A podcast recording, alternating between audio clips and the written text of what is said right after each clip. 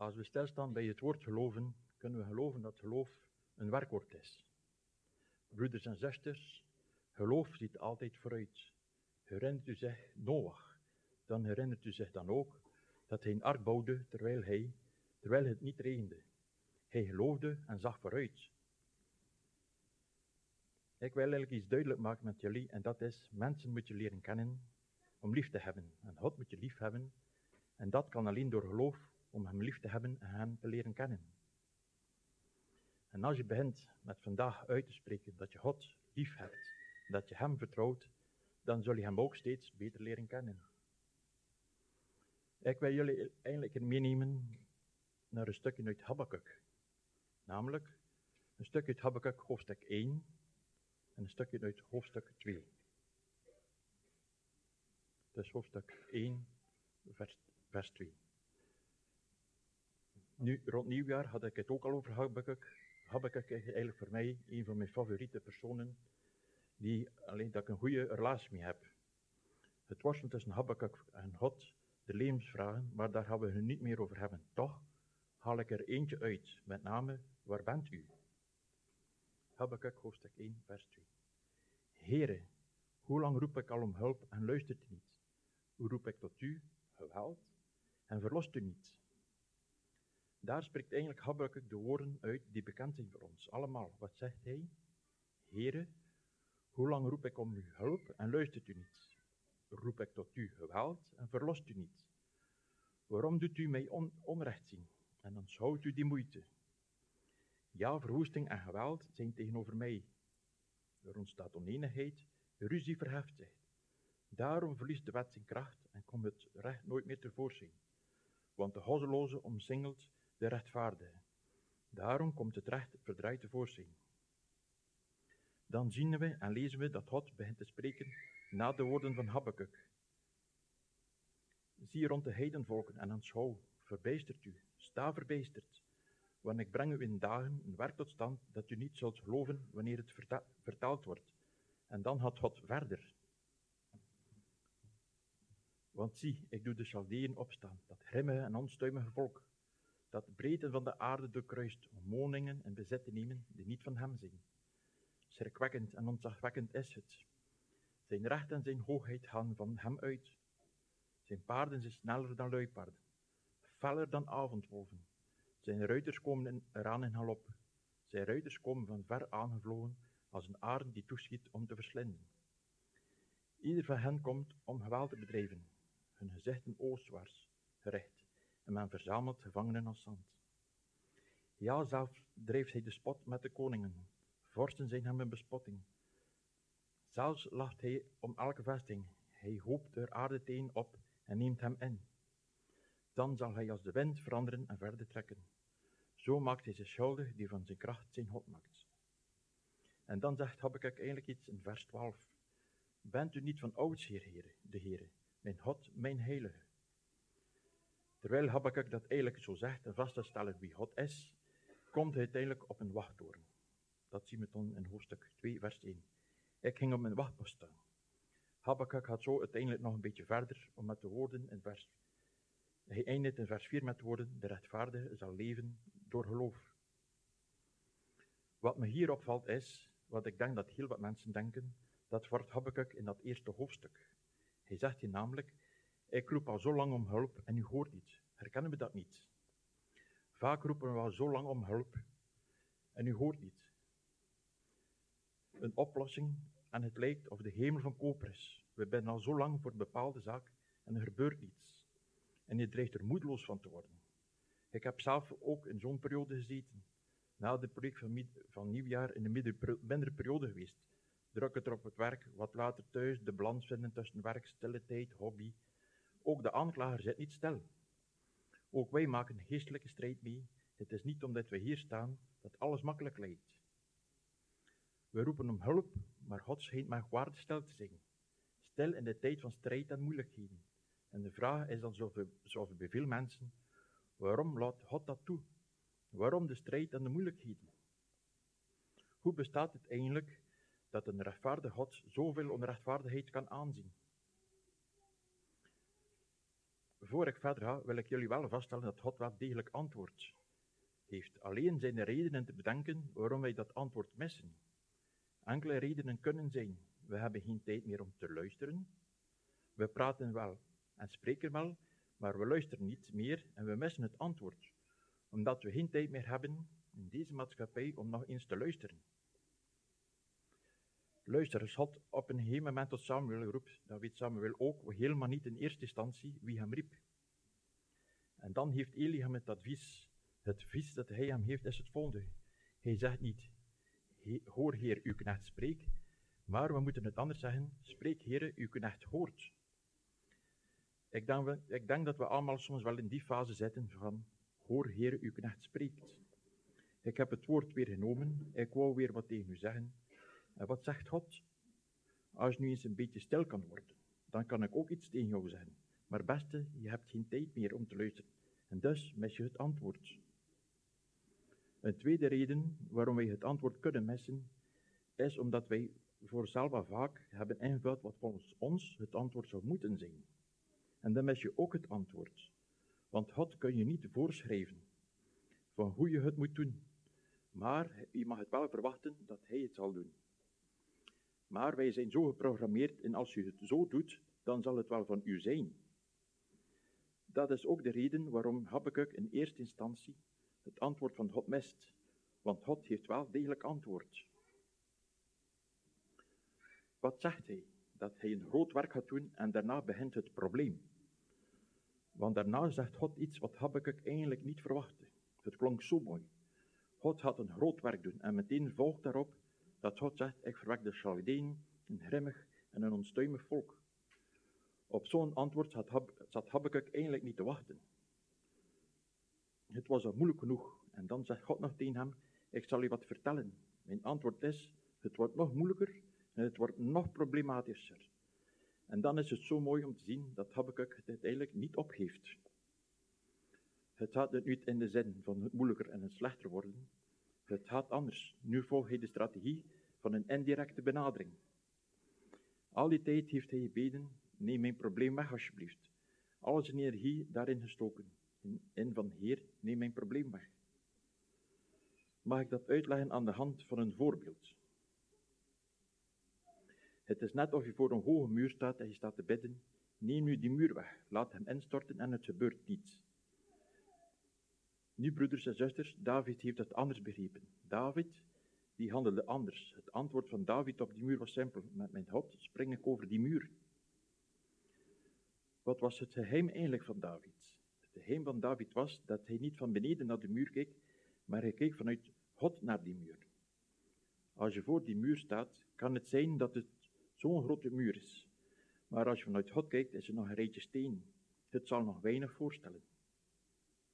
Het gaat erover vanuit welke hoek kijk ik naar het probleem. Het is ook belangrijk dat we leren kijken naar een probleem vanuit God.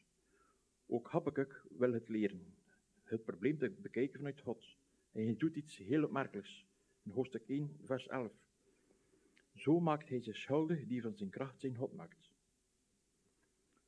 Welke vaststelling doet Habakkuk hier? Allereerst stelt hij vast dat de vijand die op hem afkomt, dat die een tegenstander is van God. Want hij zegt zelf, zijn God is zijn eigen kracht.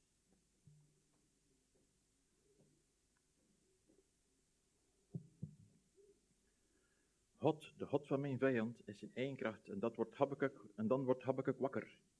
Want nu gaat hij nadenken. Als de God, als de God van mijn vijand hun eigen kracht is, wie is dan mijn God? En dan dat moment zegt hij in vers 12, bent u niet van oudsher, Heer? Mijn God is eeuwig. Mijn God is mijn rots. Hij is mijn heile, en terwijl hij gaat beleiden wie God voor hem is, metselt hij als het ware treden op om, om op de wachttoren te komen. Boven de omstandigheden uit te komen, om weer te kunnen zien wie God is. Want hij zat zo diep dat hij alleen maar meer problemen zag maar door te gaan beleiden. Wie God is, worden er treden gemetseld en hij klautert omhoog, treden voor treden, om te komen op de wachttoren om, en uit te zien wat God tegen hem zal zeggen. Dat had zo prachtig werken dat hij uiteindelijk tot de conclusie komt van de rechtvaardige zal leven door geloof. Hier heb je eigenlijk een hele prachtige invalshoek. Wat zegt hij hier eigenlijk? Hij zegt hier als het ware, geloof en rechtvaardigheid worden aan elkaar gekoppeld. God is volmaakt rechtvaardig. Dus het leven dat zijn oorsprong in hem vindt, is een volmaakt rechtvaardig leven. En dan komt het mooie, broeders en zusters. God heeft dat rechtvaardige, goddelijk leven binnen het bereik van ons gebracht door het geloof in Jezus Christus. Door dat rechtvaardig leven, dat goddelijke leven, is binnen ons bereik gekomen door Jezus. Wat is nu eigenlijk de uitdaging? De uitdaging is om dat op te pakken. Maar de vraag is, hoe doe je dat? In Genesis 1, vers 26 staat dat God de mens schiep naar zijn beeld. Nu, dat verhaal kennen jullie wel allemaal. Maar een belangrijk gegeven daarbij is dat Gods natuur ook inhoudt het vermogen om te kunnen geloven. Als wij naar Gods beeld zijn geschapen, dan kunnen we geloven, want God gelooft in zijn eigen woord. Het hoort bij zijn karakter, het hoort bij zijn natuur. En wie geschapen is naar zijn beeld, heeft dus al eens die mogelijkheid om te kunnen geloven. Geloven maakt deel uit van Gods eeuwige natuur. En Gods geloof komt tot uitdrukking door de woorden die hij spreekt. Als je, als je leest in Hebreeën hoofdstuk 11, vers 3 staat er, door het geloof zien wij in dat de wereld tot stand gebracht is, door het woord van God. Met andere woorden, het hele uitspansel, Hans het universum is ontstaan door de creatieve kracht van Gods geloof in zijn eigen woord. Hij spreekt en het is er. In Psalm 33, vers 6 staat er, door het woord van de Heer is de hemel gemaakt. Door de geest van zijn mond heel hun leermacht, met andere woorden, het levende sterren. God sprak en er was licht. God geloofde in zijn eigen woord. Hij ervaarde ook dat het werkte. Hij heeft datzelfde goddelijke geloof aan ons beschikbaar willen, willen stellen. Omdat God de mens schiep met het vermogen om te kunnen geloven, hebben wij eigenlijk nog een aanvulling gekregen, namelijk het vermogen om iets te maken. De mens kan een plan ontwerpen. Wij zijn in staat iets te realiseren die anderen voor onmogelijk hielden. God zegt, ik heb de mens bijna goddelijk gemaakt. God is de ene die uit niets iets kan maken, maar hij heeft de mens zo gemaakt dat wij ontzettend veel dingen kunnen maken. En het tweede wat we nog krijgen door geloof is het vermogen om te spreken. We kunnen onze plannen onder woorden brengen die hij gemaakt heeft. Hij kan het formuleren, het vermogen om te spreken. Wat nu belangrijk is, is eigenlijk dat we het principe kijken hoe het fout ging. Toen Eva geloof hechtte aan de woorden van de slang, verloor ze op dat moment haar geloof in God. Satan ondermijnde Eva's geloof in Gods woord en daardoor ook haar geloof in God zelf. Eva gaf haar geloof in God op op het moment toen ze zag dat de boom goed was om wat te eten. En zien heeft te maken met zintuigen. Het is één van onze zintuigen. Helaas worden we meer geleid door onze zintuigelijke waarneming dan door ons geloof. En ik denk dat we hier, hier dicht bij een basisprobleem zitten. Wat we hier wel allemaal met z'n allen zullen herkennen. Het basisprobleem waar we allemaal mee zitten, is het volgende namelijk. De strijd tussen onze zintuigen en onze nieuwe natuur in Christus, die wij leven uit geloof. Zintuigen, oude natuur, geloof heeft te maken met die nieuwe natuur. Onze oude natuur wil zien. Onze oude natuur wordt geleid door zintuigen. Wat onze nieuwe natuur moet leren, is leren uit geloof. We moeten loskomen van onze oude natuur. Hoe omschrijft Paulus dat eigenlijk in 2 Korinther hoofdstuk 4 vers 18? Wij houden onze ogen immers niet gericht op de dingen die men ziet, maar op de dingen die men niet ziet. Want de dingen die men ziet zijn van het ogenblik, maar de dingen die men niet ziet zijn eeuwig.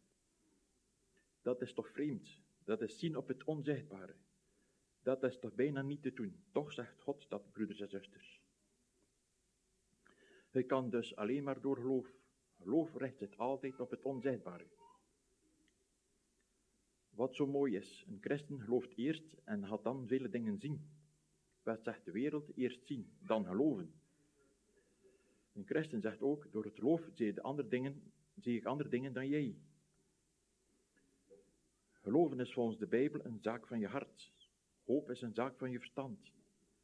Hoop heeft ook niet hetzelfde resultaat als geloof. Maar waar zit het verschil nu?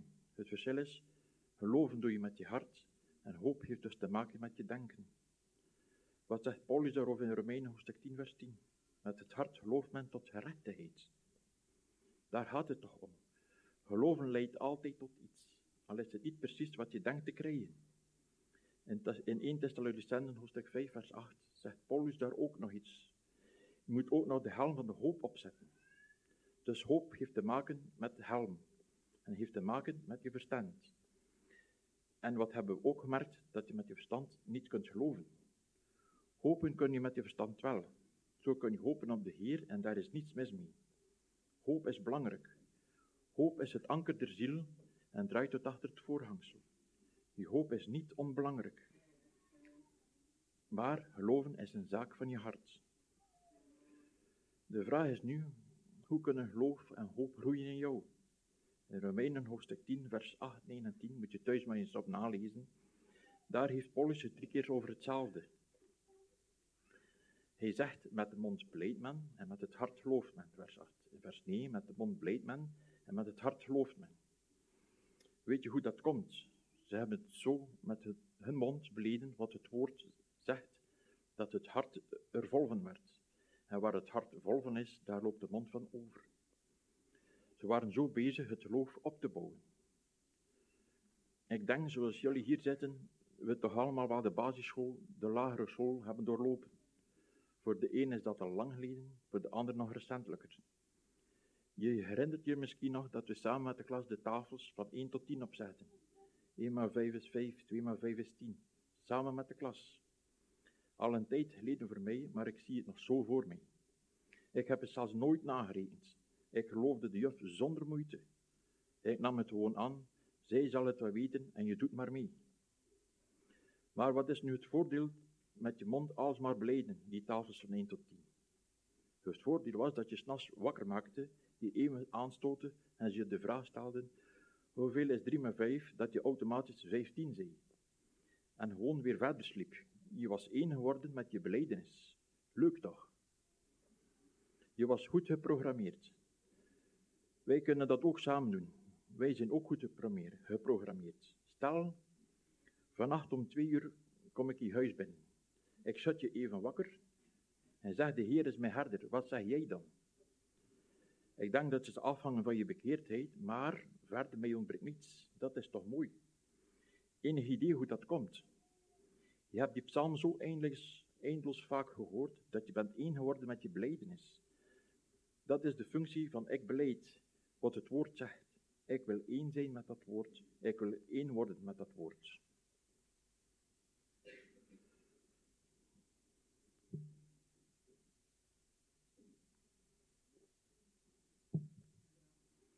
En als je dan komt tot de vrucht van geloof, wat ook zeer belangrijk is, lieve mensen, we hebben eerst nodig geloof in God en dan de vrucht van geloof.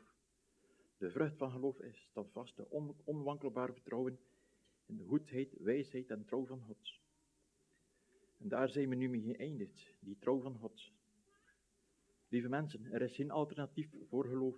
God bestaat, maar dan moet je wel geloven dat Hij bestaat. En dat is een keuze. En als je die keuze maakt, dan blond God je door zich aan jou te laten openbaren. Door, door zich te laten openbaren wie Hij is. Ook vandaag wil Hij naar je toe komen in het tekenen zelfs van brood en wijn. Hij maakt zichzelf zichtbaar in brood en wijn. Hij laat zien, ook daarin, wat hij voor ons gedaan heeft in zijn Zoon Jezus Christus. In ons menselijk lichaam zijn vele weefsels, spieren, benen, pezen en. En al die weefsels bestaan uit cellen en hebben een beperkte functie. Maar bloed daarentegen stroomt door je gans lichaam en voedt de cellen en reinigt ze van alle afvalstoffen. Lieve mensen, op het moment dat het bloed van Jezus Christus mag binnenkomen in jouw leven, voedt het de cellen en reinigt hij jou van alle afvalstoffen. Houdt hij je om echt te gaan leven. Op het moment dat dat aanvaardt, wordt je bloed gezuiverd van zonde en vuil. Geloof, geloof, broeders en zusters, Jezus komt spoedig terug. Het probleem is dat wij nog altijd in een goede levensstijl zitten. De wederkomst van Jezus zal daarom voor veel mensen een onverwachte onderbreking zijn in hun goed leven. De dag van de Heer zal komen als een dief in de nacht. dan zullen de hemelen met druis voorbij gaan. Geloof, de Heer komt eraan. Zorg dat je er klaar voor bent. Zorg dat je bent voorbereid. Want op het uur waarop je het niet zou, zou denken, zal de Zoon des mensen komen. Amen.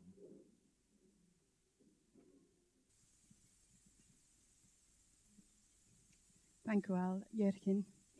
Um, we gaan afsluiten met uh, nog een lied. Hoe groot zijt gij?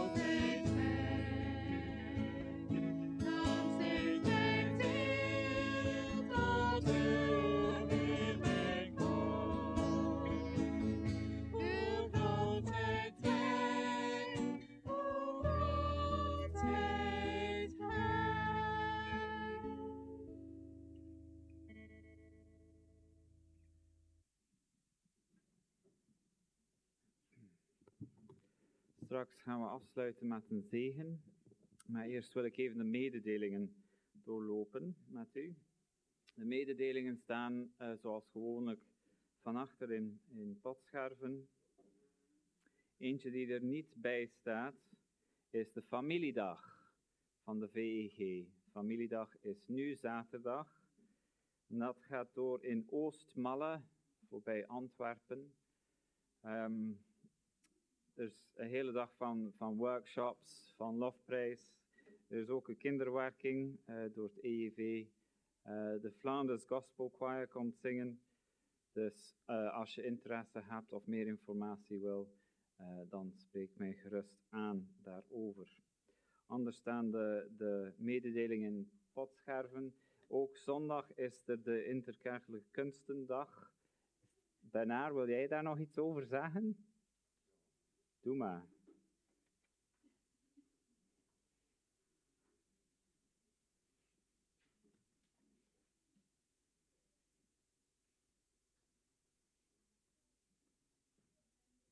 Hallo, hallo. U zijn allemaal vriendelijk uitgenodigd uh, zondag op de interkerkelijke kunstendag. Het is een voortzetting van wat uh, onze broeder zaliger uh, Lou heeft in het leven geroepen Yetzira. En dus uh, er zijn tamelijk veel deelnemers en die zullen hun kunst uh, tentoonstellen uh, ja, gewijd waar ter ere van. Er zijn ook muzikale dingen te horen. Een zestal duo's of mono's, als ik het zo mag zeggen. dus iedereen welkom. Het ingang is gratis. En je kunt ook, als het nodig is, als je geïnteresseerd bent in, je zegt van dat zo mooi staan in mijn living, uh, kan je ook kunstwerken kopen natuurlijk. Dat is in de wijkschool in Rekkem, in de Paradijsstraat 18. Dat is dus uh, weer het zuiden van Rekkem, als ik het zo mag zeggen, nabij Moesgroen. Het Paradijs noemt dat. Dus wat toepasselijk een beetje. Uh, dus iedereen welkom. Hè. Dus uh, zie het begint zondag om 12 uur en het duurt tot 19 uur. We hebben een knallende afsluiter. Ik bedoel dus niet vuurwerk of zo.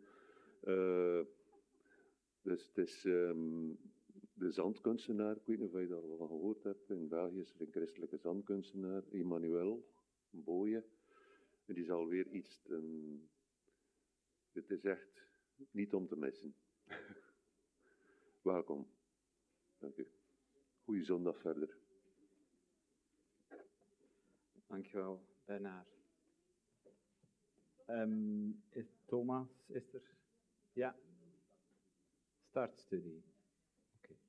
Dat gaat door. Jurgen had het over de creativiteit van God en dat dat ook een stukje weerspiegeld is door ons. En kunst is een weerspiegeling van Gods creativiteit. Hè? Dus het is zeker iets dat we kunnen uh, samen vieren. Goed, ik wil uh, afsluiten met jullie door opnieuw een tekst te lezen dat Jurgen had, naar had verwezen uit 2 Korinthe 4, 18.